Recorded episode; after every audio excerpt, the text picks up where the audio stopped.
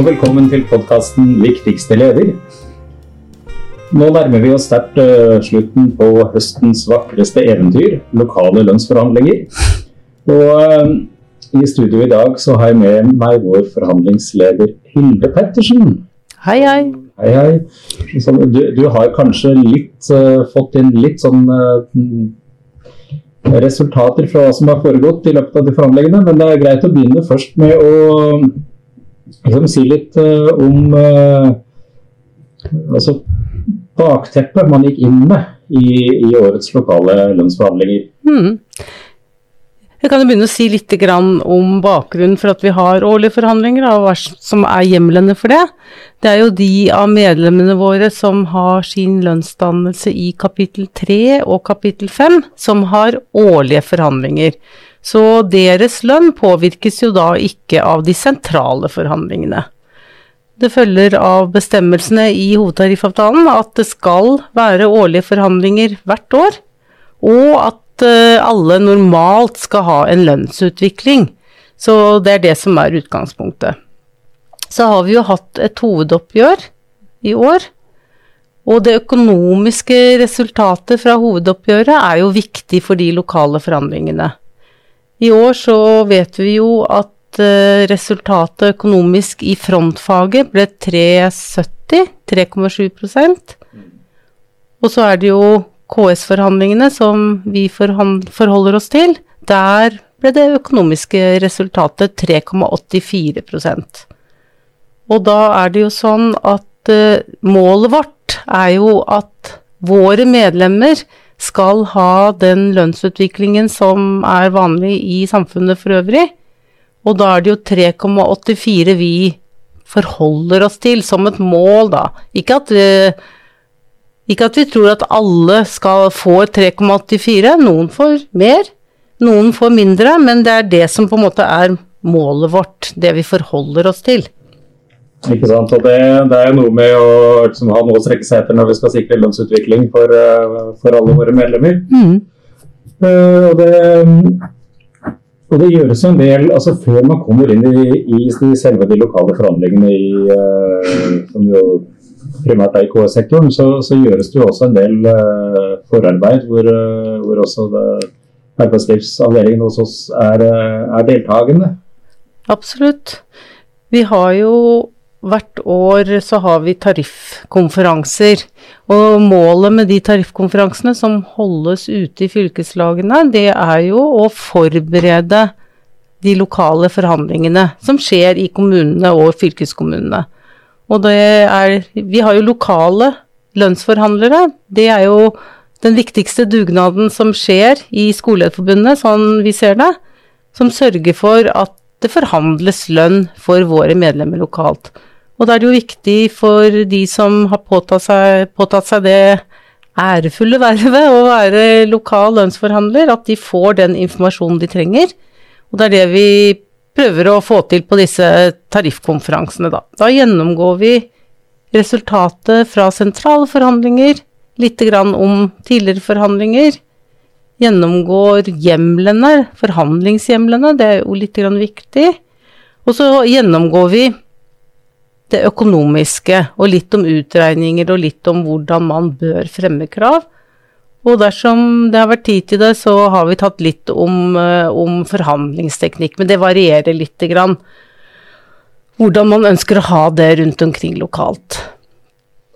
Ikke sant. Så det, vi har jo mange garvede forhandlere, men det er, likevel, det er, det er jo mange kommuner det skal forhandles i, så vi, vi trenger jo vi trenger jo alle forhandlere vi kan få tak i, nær sagt. Ja, vi gjør jo det. Altså hvor mange kommuner det er nå, det husker ikke jeg i farten. Men det er jo sånn at uh, forhandlinger skjer lokalt, mellom lokale parter. Og da er vi jo avhengig av å ha lokale forhandlere. Som, som du sier, så har vi mange garvede forhandlere. Men noen går av med pensjon og gir seg av den årsaken. Noen går av som forhandler pga. andre årsaker. Sånn at vi trenger jo å få et tilsig også. Og da er det viktig at folk føler seg litt trygge på å påta seg den rollen, og at de får den informasjonen de trenger. Og litt oppmuntring og litt sosialt, holdt jeg på å si, er jo også viktig i disse tariffkonferansene, selvsagt. Jeg syns jo også det de, de tariffkonferansene som jeg har fått lov til å delta på i år, altså den, det å ha en runde med erfaringsutveksling har jo vært, vært veldig ok. At, og det bidrar jo også til at, at du får litt sånn kompetanseoverføring og, og får litt ideer og tanker og tips. og det jeg tenker det er, det er veldig fint å ha den arenaen. Mm. Ja, det er veldig riktig. For det er klart at det er jo de av våre medlemmer som driver med lokale lønnsforhandlingene, som sitter med erfaringen, og som har mye å komme med, så det er jo kjempeviktig. Det er absolutt.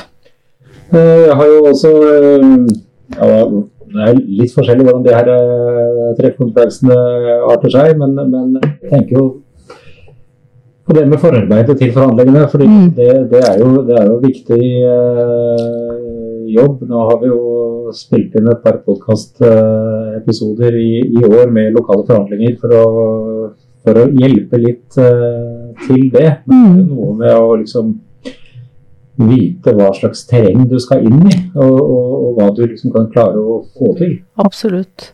Og da kan jeg jo nevne også forhandlerkurset vårt som jo gir praktisk øvelse på å være med i forhandlinger. Og tilbakemeldingene vi får, er jo det at folk syns de er nyttig. Og man føler liksom at man har fått øvd seg litt, særlig hvis man er ny og aldri har gjort det før, så er det greit å, å få prøve seg lite grann, da. Så, så, det er i hvert fall de tilbakemeldingene vi får. Og så er det jo forberedelser, det er jo det er jo så klart å se på tidligere årsresultater, se på det økonomiske resultatet sentralt, bestemme seg hvor skal vi ligge når vi fremmer krav, altså det er jo sånne ting. Og så sender jo sekretariatet ut en sånn veileder til de lokale lønnsforhandlingene, hvor de kan, det er ganske omfattende etter hvert, hvor man kan lese seg opp litt og finne, finne råd. Og den, det er nok nyttig å ha den, som samler veldig mye informasjon, da. Ja, det er det. Det har jo inntrykk også at uh, vi har jo uh, i år også laget uh, litt sånn kortversjoner av, av, elementer som står der, for å liksom le, lette lesebyrden litt. det er veldig mye i det, i det materialet som vi sender ut, men inntrykk av det også har blitt tatt godt imot. Mm. Det er med litt sånn teknikkhjelp, litt argumentasjonshjelp og litt sånne ting. og det, så det er jo veldig, veldig fint å kunne at, at vi som er i sekretariatet kan, kan bidra med litt sånne ting. Mm. Eh, hvis vi går over til eh, selve forhandlingene, så, så det, dere som er tettest på. Mm. Dere har jo litt å gjøre under forhandlingene også? Ja da, fordi disse forhandlingene skal jo foregå De foregår jo stort sett på høsten, fram mot uh, utgangen av oktober. Men det er noen som holder på lenger enn, også, enn det også. Og det vi gjør, da, er at vi prøver å være tett på. Prøver å være tilgjengelig for å kunne gi råd før man går inn og møter uh, arbeidsgiver i forhandlingsrommet, og også underveis. Sånn at de som er uh, forhandlere, de vet at de kan ta kontakt med sekretariatet, enten for å drøfte, holdt jeg på å si, skal vi ta imot dette tilbudet, hva gjør vi nå? Og da er vi tilgjengelige. Og det vi ofte ber om, er at man kanskje bare gir et varsel om nå skal vi forhandle, sånn at vi passer på å være tilgjengelige. Men da kan man ringe i og for seg når som helst på døgnet, så tar vi telefon og svarer. Så er det også sånn at det er bestemt i Skolelederforbundet at dersom man skal gå til brudd, så må det drøftes med sekretariatet før man gjør det. For at vi kan være med å vurdere om det er bruddgrunnlag, og også på et vis godkjenne et brudd før man gjør det. For det er jo sånn som jeg nevnte tidligere, at uh, i og med at det er lokale forhandlinger, så er det jo ikke noe streikerett her. Da er det eneste våpenet i gåseøynene vi har, det er jo det å gå til brudd dersom vi ikke er fornøyd med arbeidsgivers tilbud, ikke sant, om man ikke kommer til et litt bedre resultat, så er det det våpenet man har. Uh, I år uh, det, det har jo vært noen brudd, men ikke mange brudd. Kan, kan du, går det an å si litt generelt om de bruddsituasjonene som har vært dette året? Ja, jeg kan si litt generelt. Du kan jo si det at i korona, altså da hadde vi ingen brudd, ikke sant. For da var anbefalingen fra oss, og det var ikke mange som vurderte brudd heller, men da tenkte vi at det er en så spesiell situasjon. Først var det jo det økonomiske i 2020 hvor vi trodde at det var veldig gode økonomiske utsikter, og så plutselig så kom 12. mars, og samfunnet stengte ned, og alt ble annerledes. Så da hadde vi ikke brudd, og vi hadde heller ikke brudd i 2021. Men nå er vi på en måte tilbake i normal gjenge. Sånn at i år så har vi sagt at uh, i år bør vi vel ha noen brudd. Men så har vi ikke hatt mange brudd. Vi har hatt uh, tre brudd. Og da er det jo sånn at dersom det er brudd i disse lokale forhandlingene, så skal saken behandles i en nemnd, en lokal nemnd.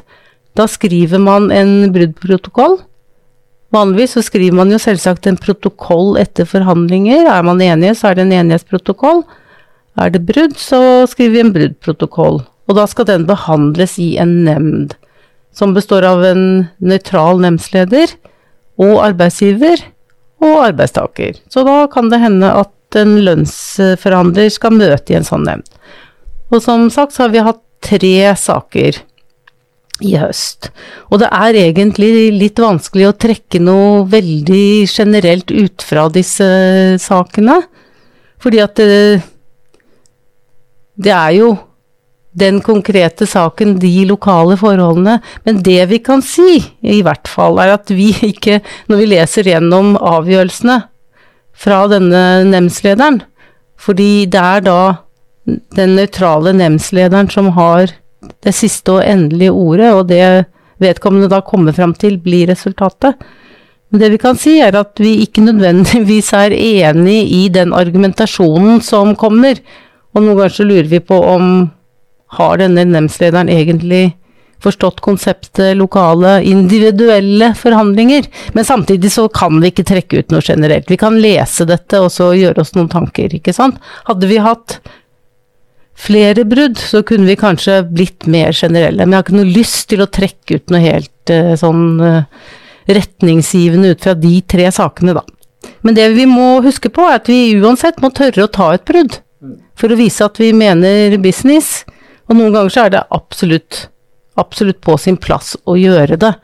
Særlig i år, hvor uh, hvor det økonomiske resultatet i de sentrale forhandlingene var 3,84% ikke sant, og så har vi opplevd at arbeidsgiver har kommet med tilbud som har ligget på 1% f.eks. Det er jo et klart brudd. Og så hadde vi en sak på det, men vi fikk ikke så stor uttelling. Men vi viste i hvert fall at vi ikke er enig i arbeidsgivers tilbud, og, og bruker de midlene vi har, da. Det er, det er litt viktig. Vise muskler. Ja, ikke sant. Og For å være litt teknisk, altså, eksempelvis er det jo eh, Vi er vel ikke helt enige i hvordan KS liker å beregne glidning, f.eks. i uh, uh, så har det vært oppe Vi har jo hatt snakka om det med brudd i podkasten tidligere med Trond Otto Berg og lokale forhandlinger. Mm, mm. Og, og han la jo vekt på at altså nettopp det med at vi mener alvor. At gi det som et signal i seg selv, kan jo også bidra til å berede grunn for senere lokale forhandlinger. At du får en litt sånn annen eh, innvirkning på det. så det kan jo være at selv om man ikke oppnår noe resultat, så, så får man i hvert fall markert seg. Og ja. At det blir tatt med i, sagt, i den store hukommelsen i, i, den kommunen. Da. Ja, kan trekke tråden tilbake til det vi snakket om forberedelse til forhandlinger. Mm. Og de beste bruddene er jo de som er forberedt på forhånd. Og kanskje man har et litt langsiktig plan her. Ok, vi har ett brudd ett år, og så får vi kanskje ikke det vi ønsker, men så tar vi et brudd neste år også. Og kanskje får arbeidsgiver litt på glid. Og kanskje et påfølgende år igjen. Ikke sant? Det er noe med å tenke litt langsiktig og litt strategisk. Og det er jo viktig da at lønnsforhandlerne og de forhandlingsutvalgene på en måte legger disse planene, da. Det er noen kommuner som har lave lederlønninger. ikke sant, ligger under det vi mener er riktig. Og da er det kanskje der man skal legge den type strategier. Og drøft gjerne det med oss i sekretariatet som jobber med tariffspørsmålene også, og på tariffkonferansene. Mm. Da må du jo si litt om eh, resultatene. Da sa du vel eh, i forkant før vi gikk i studio at vi har fått inn omtrent uh, halvparten av landsprotokollene. Mm. Er det noe bilde som tegner seg? Altså det er jo Vi får jo inn, eller vi må ha inn protokollene fra lønnsforhandlingene for å kunne se på tallene og for å kunne lage den statistikken vi ønsker å ha. Men i og med at vi har eh, fått såpass, eller det er jo ikke få, men det er jo ganske Det ligger greit an. Det er sånn det pleier å være. Men vi har jo ikke fått inn alle, og ikke fått inn nok protokoller til å kunne trekke noen endelige konklusjoner. For å, få, for, å få sagt noe helt fornuftig og riktig, så må vi på en måte være ha, ha flere protokoller enn det vi har fått inn nå, for å regne ut tallene osv. Så sånn at uh, det er egentlig vanskelig å trekke så veldig mye ut av det vi har. Men vi ser at det er noen som har fått til veldig gode resultater. Ikke sant? Kanskje langt over firetallet. Og så er det igjen noen som ikke har fått så gode resultater. Men, eh, men, vi kommer til å komme med tallene. Vanligvis så har vi de klare utpå våren, og det er, det er eh, i de tariffkonferansene vi har pleid å presentere de tallene, ikke sant? Og de tallene de er jo grunnlaget for vår egen interne statistikk, som er basert på våre medlemmer, da. Men det er klart, i, i, disse lokale forhandlingene så skal man jo også få statistikk fra arbeidsgiver. Sånn at uh, igjen, til forberedelser til forhandlingene, så må man ta vare på det fra år til år og følge med, ikke sant, og ha, ha en oversikt over egen kommune, fylkeskommune. Det er jo egentlig det viktigste. Den sentrale statistikken, den kan si jo noe om hva får de høyest lønnede rektorene, hva får de lavest, hva får de omliggende kommunene, hvem skal jeg sammenligne meg med? Ikke sant, også i utarbeidelse av krav, da. Men som sagt, i og med at vi ikke har fått inn flere protokoller enn det vi har, så, det, så kan vi egentlig ikke trekke noe endelig ut av det. Men det kommer, det kommer, ikke sant.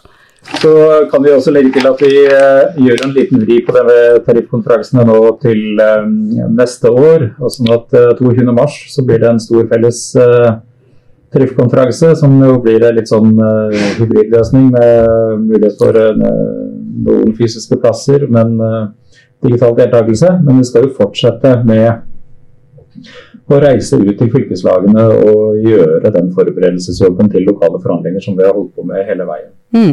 Ja da, for det er jo viktig å ha den lokale gjennomgangen. Og det har vi jo fått tilbakemeldinger om.